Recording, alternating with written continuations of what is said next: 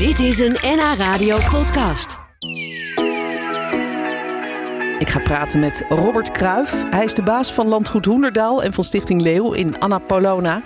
Een bijzondere plek. Een droom eigenlijk van de familie Kruijf, die werkelijkheid is geworden. En eh, ja, Robert, jij bent vandaag bij ons eh, om te vertellen hoe het allemaal ruilt en zeilt in, eh, in, het, in het dierenpark. Ik ben er zelf al een tijdje niet geweest. Ik denk een jaar of vijf. Is er in die tussentijd veel veranderd? Ja, dat is aardig veranderd, ja. We Ja? hebben niet stilgezeten in die tijd, kan ik zeggen. Nee, wat is de grootste verandering? En nu hebben we een opvang gebouwd voor dolfijnen en bruinvissen. Dat is wel een hele grote verandering, denk ik. Maar ja. door het hele park zie je het heen. We hebben een nieuw parkeerterrein, nieuw entreegebouw, nieuw restaurant, speeltuin. Een heel nieuw complex voor de roofvogels. Heel veel nieuwe verblijven. Ja, Ja. Ik, ik moet gewoon weer een keertje Ja, langskomen. zeker. Ga ik doen. Hey, hoe is dat eigenlijk gegaan bij jou in de familie? Hoe en wanneer ontstond het idee voor, voor dit landgoed? Dat is een heel lang verhaal. Mijn vader wilde graag eh, een bos achterlaten. Die zegt, alles is vergankelijk in het leven. Ik wil graag ooit een stuk grond kopen en een bos planten. Dat heeft hij in 1992 gedaan. En daar zijn toen 110.000 boompjes op geplant. Nou, dat is het bos wat het nu is natuurlijk. Dat is best veel ook. Dat zijn heel wat boompjes. Ja. Ja. We hebben allemaal met de hele familie zijn planten. Echt? Ja, ja. Maar ik had iets met dieren. Dus ik denk, het is wel leuk om daar iets met dieren in te doen. Dus ik wil daar een dierenpark in beginnen. En In het begin was de gemeente daar niet zo heel enthousiast over. En op een gegeven dag in 2005 werden wij benaderd door de gemeente. Van, er staat nu zo'n geweldig bos. Kunnen we niet iets voor elkaar betekenen? En daar is eigenlijk toen Hoenderdaal uit ontstaan. Ah. En, en hoezo wilde jij altijd al iets met dieren doen? Was je als jongetje al begaan met de natuur en de beestjes om je heen? Je hebt allemaal zo'n tik. En dat heb ik denk ik met dieren. Ik zat vroeger van die plaatjes uit te knippen van dieren. En in plakboeken te doen. En ik speelde met plastic diertjes. En ik had konijnen en kippen. En ja, dat is nooit meer weggegaan. Nee. Wat mooi dan dat je eigenlijk nu de baas bent van een dierenpark. Ja, ik eh, leef een droom eh, voor mij. Ja, ja dat is Ja. geweldig. Ja, want je woont daar ook, toch? Ja, ik woon er tussenin. Ja, ik heb voorheen werkte ik in de oliehandel.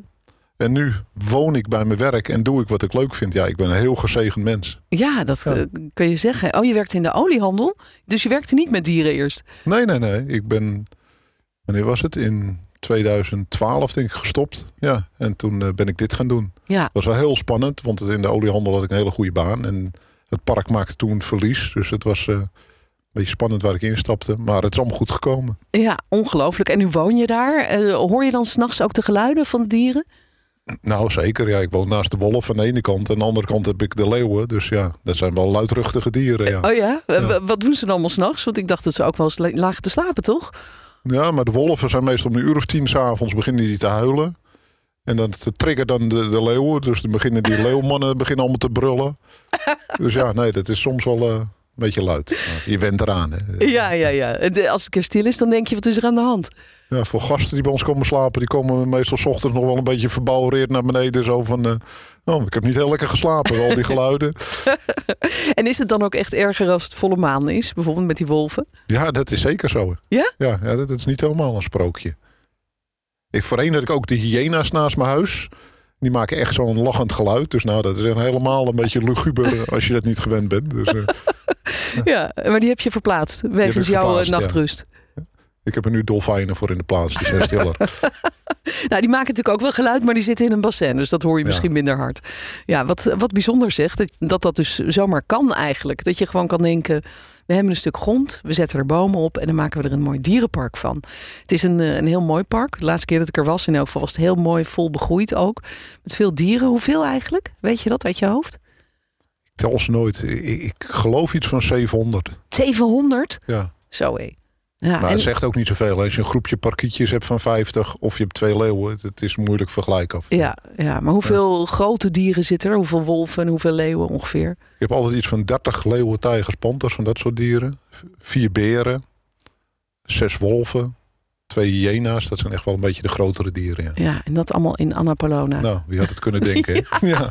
Ja, de Annapolonezen denk ik niet. Komen ze wel trouwens, mensen uit de buurt? Zijn het eh, vaste gasten? Ja, ja, we hebben heel veel jaarkaarthouders. Ja, Eh, volgens mij iets van 21.000 die eh, regelmatig komen. ja. En hoeveel mensen werken er bij jou?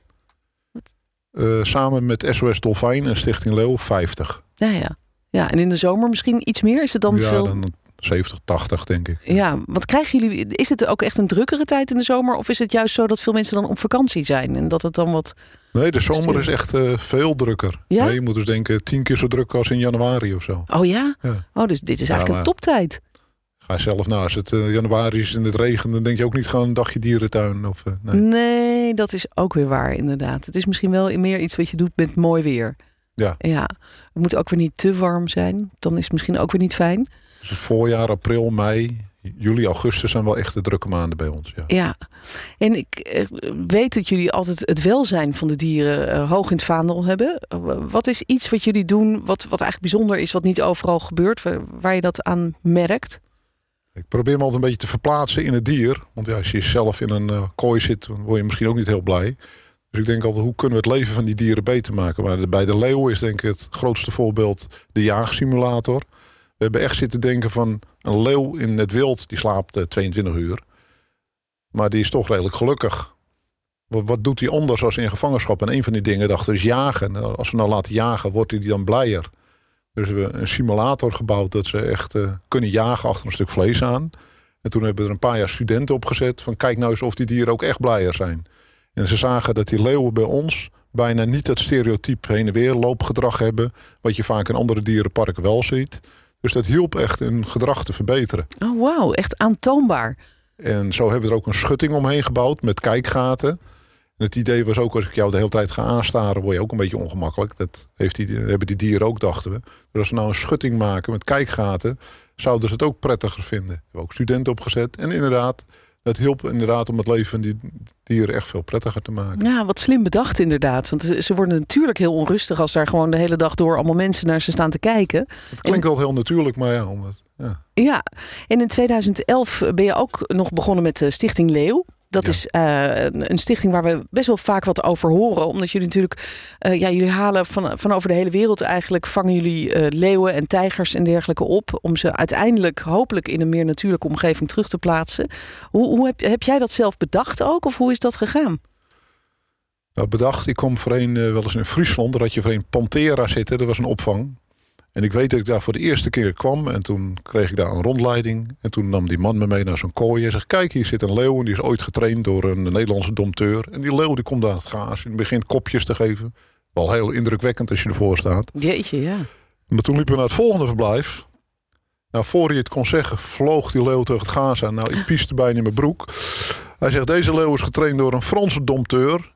En die deed het anders als die Nederlandse. Want die Nederlander beloonde hem als hij iets goeds deed. En die Franse sloeg hem als hij wat fout deed. Nou, dat moment vergeet je niet meer als jongetje natuurlijk. Nee. En toen het daar heel slecht ging, toen heb ik zoiets aangeboden. Wellicht willen jullie naar Hoenderdaal komen. Nou, dat is uiteindelijk niet doorgegaan. Maar daar is wel Stichting Leeuw uit ontstaan. Mooi.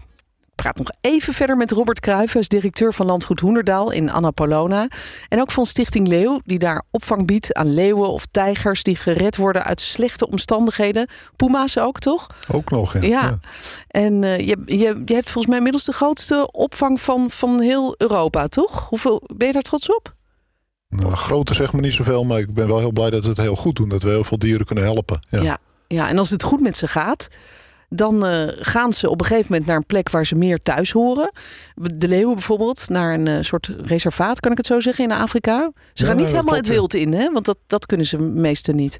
Nee, maar dat is misschien wel grappig om te vertellen. Vorig jaar hebben we dus vier leeuwen weer naar Afrika gebracht. Ja. Hè, Die gaan daar in een groot stuk van twee hectare. Maar daaraan zit een stukje van 15 bij 15 meter. Daar zetten we ze altijd eerst in. Daar voeren we ze en dan blijven we ze voeren.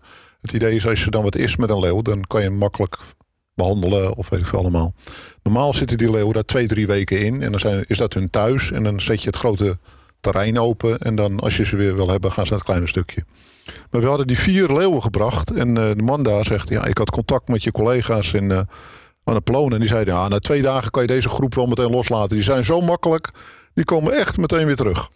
Dus hij zegt, nou ja, oké, dus... Uh, Ja, zet maar open. Doe maar, dus hek open. En, eh, hij zegt, die drie of die vier die leeuwen lopen het eh, terrein op. Zien we opeens een antiloop. Die zat nog in dat veld opgesloten. Ach nee. Hij zegt, dat is natuurlijk niet de bedoeling. Dus wij roepen en inderdaad, ze kwamen terug op één na. Oh. Dus wij eh, weer de sluis dicht en eh, we renden om het terrein in, zei hij. Maar hij zegt, ze ging door het hoge gras heen. En met een paar seconden had ze die antiloop te pakken. Echt? En Ja, het was een 12 jaar oude leeuwin die in de circus had opgetreden. Dus er is nog wel hoop voor circusdieren Ja, wat dat betreft. En na twee goed- dagen had ze haar eigen prooi gevangen in Afrika. Die had goed getraind met die jaagsimulator. Ja, dat was, dat was. Ach, gos, die arme antilopen. Ja, maar goed, dat is natuurlijk wel de natuur waar ze dan opeens weer, eh, weer in zit. Wat Ja. eigenlijk hun oorspronkelijke aard is natuurlijk. Ja. Ga je er vaak zelf heen eigenlijk? Naar die plek? ja, ik probeer twee, drie keer per jaar toch wel heen te gaan. Ja, met de coronatijd was het iets lastiger natuurlijk. Maar eh Ja, wel en, weer. en herkennen de leeuwen jou soms ook wel eens? Nou, de eerste leeuw die ik wegbracht was Nero. Dat vond ik echt wel een beetje mijn vriend. Eh, die heb ik samen met mijn vrouw opgehaald in Den Haag bij een circus. Als een heel klein leeuwtje. En toen de eerste leeuw in Afrika mocht, ik denk Nero, jij mag eerst. En de eerste jaar dat ik terugkom, dan komt Nero ik naar het gaas en dan helemaal kroelen. En, Echt? maar tegenwoordig niet meer. En zo moet het ook, denk ik. Ja. Ja. Oh, wat bijzonder dat hij Ja. jou herkende. Of, of Ja. gaat dat op reuk eigenlijk bij die leeuwen of op zicht?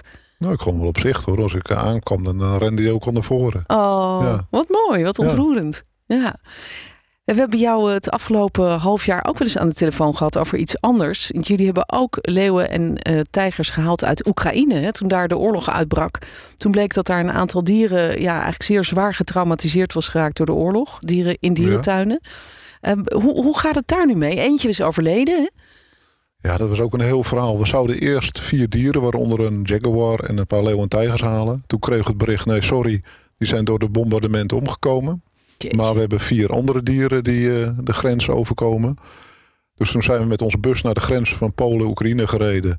En die bus zat helemaal vol met honden, katten en die leeuwen ergens achterin. Nou, er werden die kisten dus in onze bus gezet. Zijn ze naar huis gekomen. En bij het uitladen keken we, want er zou een, een tijger bij zitten van een paar jaar oud. En dat, dat leek wel een babytijgertje. Die was 59 kilo. Maar die was helemaal misvormd. En die ogen waren helemaal leeg. Er zat helemaal niks meer in. En ze kon niet meer staan. En ze was helemaal vergroeid. Dus uiteindelijk, die is eh, ingeslapen na een paar dagen. In overleg met de dierenarts. De andere drie dieren gingen redelijk. Maar één leeuwtje, Max, dus kon eigenlijk niet meer op zijn poten staan. En toen hebben we contact gezocht ook met onze dierenarts in Zuid-Afrika. Dat is de beste leeuwenarts ter wereld. En die zei, misschien is het een vitamine A tekort. Dan ga je het bloed analyseren en dan geef ik jullie advies. En Max loopt weer. Echt? Ja, dus dat is Oh. wel een klein eh, succesje hoor. Dat Ja. heeft het team echt geweldig gedaan. En een wondertje eigenlijk Ja. ook. Dus zo'n leeuw heb je ook weer het leven enorm eh, ja, mee vooruit geholpen. Ja, ja. Jullie eh, hebben ook mensen uit Oekraïne opgevangen. Althans, die hebben een tijdje bij jullie gelogeerd. Hoe, hoe is het daar mee gegaan? Want eh, dat, dat ging via jouw broer, geloof ik, hè? Ja, mijn broer eh, die handelt nog in smeerolie over de hele wereld. Dus die kent overal mensen als er wat gebeurt. Dus ook in de Oekraïne. Dus die heeft meteen die mensen daar gebeld. Hoe is het? En nou, die wilde vluchten. Hij zegt, kom hier maar naartoe. Ja. Dus die hebben een aantal weken op Hoenderdaal gezeten. En toen nog contact met familie gezocht. En die zaten in Turkije. En toen zijn ze daar weer heen gegaan. Oh ja. Ja, ook wel apart voor ze, lijkt me. Om dan in een dierenpark te, te zitten opeens. Dat is ook wel heel gek. Ja, en die mensen waren ook getraumatiseerd. Die konden niet genieten van de plek waar ze zaten. Want die waren continu bezig met hun familie in de Oekraïne. En logisch eigenlijk. hè. Ja, ja. Ja. tuurlijk ja. Ja, jullie, jullie hebben wel eh, veel ervaring met, met eh, trauma bij dieren. Bij, bij die tijgers, de, de panters die jullie eh, dan opvangen, de puma's. Ehm, hoe, hoe hebben jullie dat eigenlijk voor de komende periode? Zijn er veel dieren waarvan je nu al weet van die komen onze kant op? Gaat Nou, het druk hebben- worden weer in de opvang? In Polen zit een leeuwin, die komt ook uit de Oekraïne. En daar is nog wachten op al het papierwerk en dan komt ze ook eh, onze kant op. Zuid-Afrika, de Lions Foundation daar, die is nu bezig met twee jonge leeuwtjes uit Kuwait. Die daar eh, nou, gebruikt werden voor menselijk vermaak en door eh, iemand daar gehouden werden. En die gaan direct naar Afrika toe. En we hebben nog een aantal dieren in Slowakije zitten bij een Fiat Hotel waar we er al drie opgehaald hebben. Oh ja, En dan proberen we er ook nog twee tijgers weg te halen. Maar ja, we zitten ook vol, dus het is jeetje. ja, passen Ja. en meten. Lastig inderdaad. Nou, eh, je hebt het druk genoeg in elk geval. Eh, heb jij toch ook nog tijd om op vakantie te gaan deze zomer? Of ga je niet in de zomer meestal, omdat het dan zo druk is? Eh, in de bouwvak ga ik niet, want dan is het zo druk. Dus het is toch wel handig dat je er bent. Maar Ja. na de bouwvak gaan we tien dagen naar Aruba. Dus even lekker eruit. Oh, heerlijk. Ja, Ja. dan zul je de, de, de, de dierengeluiden wel missen. Want wolven en leeuwen, die hebben ze daar natuurlijk niet. Nee, maar je hebt daar wel lekker eh, even rust. Even, Ja. vind ik wel heel wat, dat vind ik heerlijk. Ik heb een hele leuke slapen. baan, maar soms even een paar dagen niks is ook lekker. Ja, Ja. kan ik me alles bij voorstellen. Ik vond het heel fijn dat je even bij ons was. Robert Kruijf, directeur van Landgoed Hoenderdaal en Stichting Leeuw. Vond ook heel leuk. Dankjewel. Ja, veel succes en een fijne vakantie. Dankjewel hè. Oké. Dit was een NH Radio podcast. Voor meer, ga naar nhradio.nl NH Radio.